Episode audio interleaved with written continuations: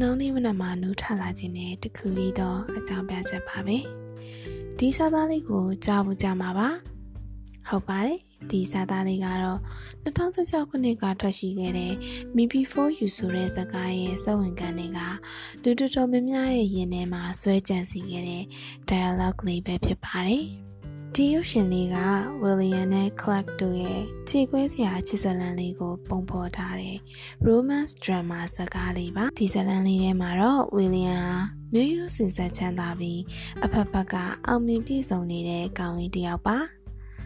ဒါပေမဲ့တနေ့မှာတော့စိုးဝါလာတဲ့ကန်ကျမကြီးကမျက်စိနဲ့လမ်းမပြီးဝီလီယက်စီရောက်လာခဲ့ပါတော့တယ်။ဒီကုလုံးအကျော်ရီတည်သွားပြီးလက်ညှိုးလက်ခလဲနဲ့ခေါင်းကလွှဲရင်မလုံနိုင်တော့လောက်အောင်ဆိုင်ကယ်အက်ဆီဒန့်ကြီးကအလွန်ပဲပြင်းထန်ခဲ့ပါတယ်။ရုပ်ချောပြီးချမ်းသာတဲ့ပြင်အဖက်ဖက်ကပြည့်စုံလို့မိန်းကလေးတွေဝိုင်းဝိုင်းလည်နေခဲ့တဲ့ဘဝကနေ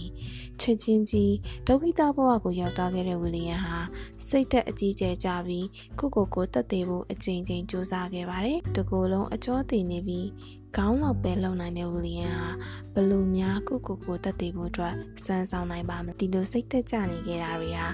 Clark ဆိုတဲ့ကောင်မလေးကိုမတွေ့ခင်ထိပါပဲ။ Clark ကမိဘတွေကိုထောက်ပံ့နေရတဲ့မပြေလည်ရှာတဲ့ကောင်မလေးတစ်ယောက်ပါ။ သူကလည်းကန်ဆိုးစွာနဲ့ပဲသူစပွဲတို့အလုပ်လုပ်နေတဲ့ဆိုင်ကနေအလုပ်ပြုတ်ပြီးအလုပ်လက်မဲ့ဖြစ်သွားရပါတော့တယ်။မိသားစုစာဝန်နေရေးအတွက်အလုပ်တစ်ခုရဖို့အသေးအံကြိုးစားနေရတဲ့ကလပ်ဟာ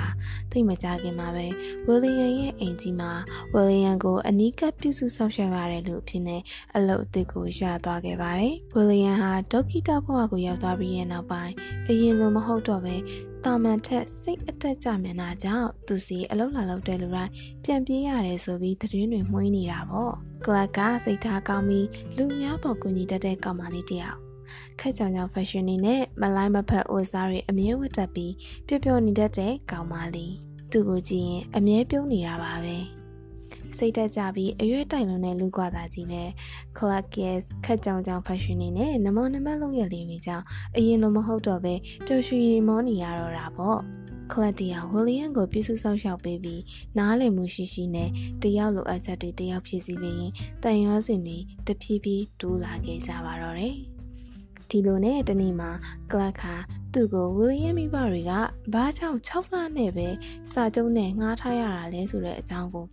တိသွားတဲ့အချိန်မှာတော့ Clark ဟာအရန်ကိုမှပဲတုံ့လှုပ်သွားပါတော့တယ်။6လပြည့်ရနဲ့ဝီလီယံဟာဩစတြေးလျမှာကိုကိုကိုတက်သေးတော့မှာပါ။သူတို့နိုင်ငံမှာနာတာရှင်ယောဂါကြောင့်အသက်ဆက်မရှင်ကျင်တော့ဘူးဆိုရင်ကိုကိုကိုတက်သေးဖို့အတွက်တက်သေးခွင့်တောင်းခံလို့ရပါတယ်တဲ့။ ဒီအကြောင်းကိုသိလိုက်ရတဲ့ကလပ်ခါဝီလီယံစိတ်ပြောင်းအောင်အမျိုးမျိုးကြိုးစားခဲ့ပြီးသူ့ကြိုးစားမှုကြောင့်ဝီလီယံတယောက်စိတ်ပြောင်းသွားမလားဆိုတာကိုတော့ဒီရုပ်ရှင်လေးထဲမှာပဲကြည့်လိုက်ကြပါတော့နော်တကယ်တမ်းချစ်လာကြပြီဆိုရင်လူတိုင်းကသူတို့ချစ်ရသူတွေကိုသူများထက်တာလွန်အောင်ဖြည့်ဆည်းပေးခြင်းကြပါတယ်။ဒါပေမဲ့ကိုချစ်တဲ့သူငိုနေတဲ့အခါပါးပြင်ဘောကမျက်ရည်လေးကိုတော့တုပ်ပေးဖို့မတတ်နိုင်တဲ့ဝီလီယံရဲ့နေရာမှာတင်တို့